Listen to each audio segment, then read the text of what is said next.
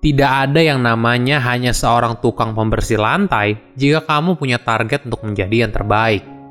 Halo semuanya, nama saya Michael. Selamat datang di channel saya, Si Kutu Buku. Kali ini saya akan bahas kisah inspiratif dari Richard Montanes, seorang tukang pembersih lantai yang berhasil menjadi wakil presiden di PepsiCo Amerika yang merupakan perusahaan induk dari Frito-Lay. Konon, Richard juga merupakan bagian dari tim yang menciptakan varian Flaming Hot dari Cheetos.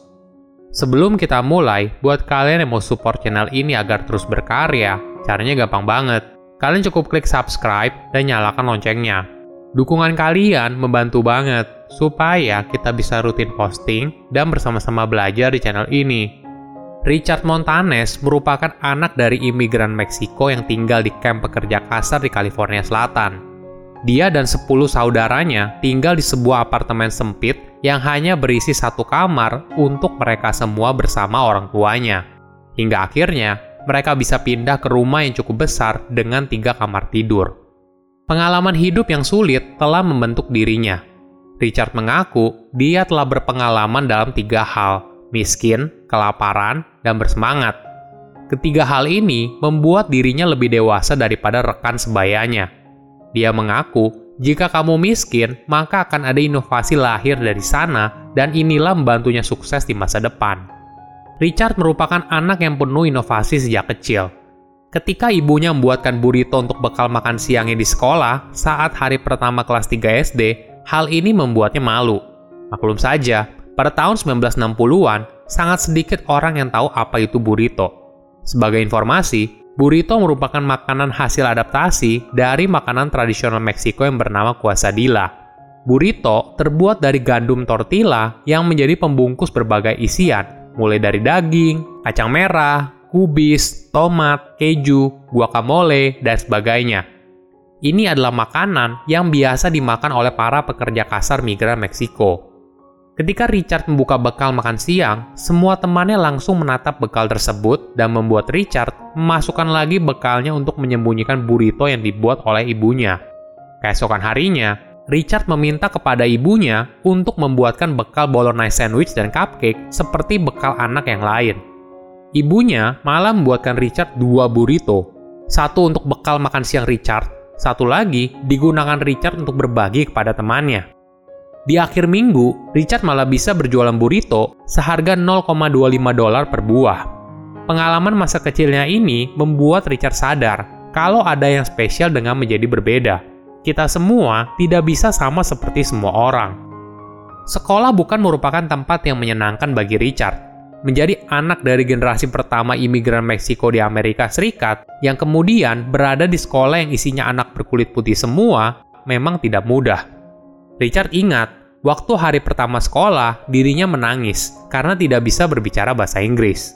Dia juga sulit mengikuti pelajaran di sekolah, termasuk pelajaran dasar untuk membaca dan menulis.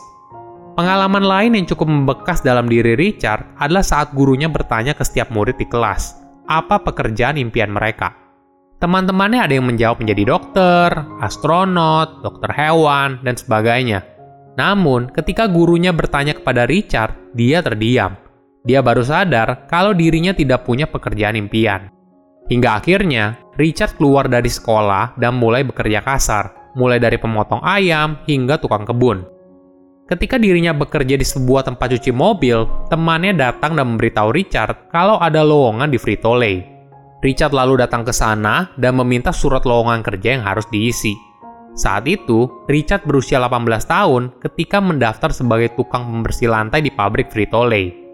Pacar yang lalu menjadi istrinya bernama Judy membantu Richard untuk mengisi surat lowongan tersebut dan akhirnya Richard pun diterima. Dia sangat senang dan memberitahu hal ini kepada keluarganya. Kakeknya memberikan Richard sebuah pesan yang berharga. Pastikan lantainya harus bersih, bersinar, dan buat mereka tahu kalau kamu yang mengepel lantai tersebut.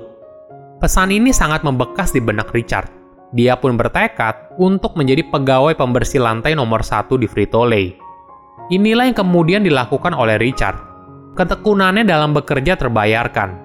Dirinya pun dikenal sebagai pribadi yang bekerja keras di pabrik Frito-Lay. Richard pun mengingat kalau tidak ada yang namanya hanya seorang pegawai pembersih lantai. Jika kamu percaya, kalau kamu ingin menjadi yang terbaik. Semangat Richard untuk bekerja tidak hanya seputar pekerjaan utamanya sebagai pegawai pembersih lantai, namun di waktu senggang, dirinya mulai memperhatikan berbagai bagian dari perusahaan, mulai dari produknya, gudangnya, hingga mesin produksi. Hingga suatu hari, rasa penasarannya untuk selalu belajar terbayarkan. Pada tahun 1980-an, Frito-Lay sedang berada pada kondisi keuangan yang kurang baik sebagai langkah untuk mendorong semangat karyawan, CEO Frito-Lay pada masa itu, Roger Enrico, merekam sebuah video yang berisi pesan kepada 300.000 karyawan. Di video tersebut, Roger mendorong setiap karyawan di dalam perusahaan untuk bertindak sebagai pemilik. Mungkin bagi sebagian orang, ini adalah ungkapan yang klise, tapi tidak bagi Richard. Ucapan Roger membekas di dalam dirinya. Richard pun ingat kalau Roger bilang seorang pegawai pembersih lantai pun bisa bertindak seperti pemilik perusahaan. Saat itu Richard tidak tahu apa yang harus dia lakukan. Namun yang pasti, dia tahu kalau dirinya harus berpikir dan bertindak seperti pemilik perusahaan. Setelah hampir 10 tahun mengepel lantai, Richard memberanikan diri untuk meminta salah satu tenaga penjual Frito-Lay agar dia bisa ikut dan mengetahui proses bisnisnya. Mereka lalu datang ke sebuah toaster di lingkungan warga Latino sebutan bagi imigran yang berasal dari Amerika Latin. Richard lalu mengamati produk yang ada di rak penjualan dan rasanya semua original. Di samping rak penjualan snack, lalu ada rak bumbu Meksiko. Momen ini memantik ide di benak Richard. Dia baru sadar kalau Frito-Lay tidak memiliki rasa yang pedas. Jadi, ketika bekerja saat shift malam di pabrik Frito-Lay, Richard membawa pulang Cheetos yang belum diberikan bumbu apa pun. Sebagai informasi, setiap kali mesin Cheetos di Frito-Lay tiba-tiba rusak atau berhenti, akan ada bagian Cheetos yang dibuang. Nah, Cheetos ini yang dikumpulkan oleh Richard dan dimasukkan ke dalam satu kantong plastik untuk dibawa pulang. Richard dan istrinya lalu mulai bereksperimen untuk membuat Cheetos dengan rasa yang pedas. Hingga akhirnya, pada tahun 1989, produk yang dibuat Richard berhasil. Lalu, dia mengirimkan beberapa sampel produknya kepada para petinggi Frito-Lay namun sayangnya, tidak ada balasan. Hal ini tidak mengecilkan hati Richard. Dengan polosnya, dia lalu menelpon nomor kantor dari CEO Frito-Lay pada masa itu, yaitu Roger Enrico. Awalnya, panggilan Richard diterima oleh asisten dari Roger, dan dia menanyakan siapa dirinya. Apakah dia adalah VP dari California? Tentu saja tidak. Lalu asisten itu bertanya lagi, apakah kamu merupakan kepala pabrik? Richard menjawab bukan. Asisten itu lalu bertanya lagi, siapa kamu? Dengan polosnya, Richard lalu menjawab, saya adalah seorang tukang pembersih lantai. Asisten itu lalu terdiam cukup lama hingga akhirnya menyambungkan telepon Richard kepada Roger. Roger pun kagum atas ketulusan dari Richard dan memberikannya kesempatan untuk presentasi saat kunjungan dia ke pabriknya dua minggu lagi. Richard sangat senang atas kesempatan tersebut dan berusaha mempersiapkan dengan sebaik-baiknya. Hingga saatnya, momen tiba di mana dia harus mempresentasikan ide Citos pedasnya kepada para direksi. Setelah Richard selesai presentasi, Roger pun berdiri, tersenyum, dan bilang ke Richard, mulai sekarang, kamu tidak perlu lagi membersihkan lantai. Kamu merupakan bagian dari proyek Hot Cheetos. Ini adalah momen yang mengubah hidup Richard. Selama 35 tahun berkarir, hidup Richard telah jauh berubah. Dari seorang tukang pembersih lantai hingga menjadi wakil presiden untuk penjualan multikultural di PepsiCo Amerika yang merupakan perusahaan induk dari Frito-Lay. Hidup yang kamu jalani sekarang bukanlah hidup kamu selamanya. Dengan kerja keras, keberanian, dan semangat untuk terus belajar, hidup kamu niscaya akan berubah. Silahkan komen di kolom komentar pelajaran apa yang kalian dapat ketika tahu informasi ini. Selain itu, komen juga mau tahu informasi apa lagi yang saya review di video berikutnya. Saya undur diri, jangan lupa subscribe channel YouTube Sikutu Buku. Bye bye.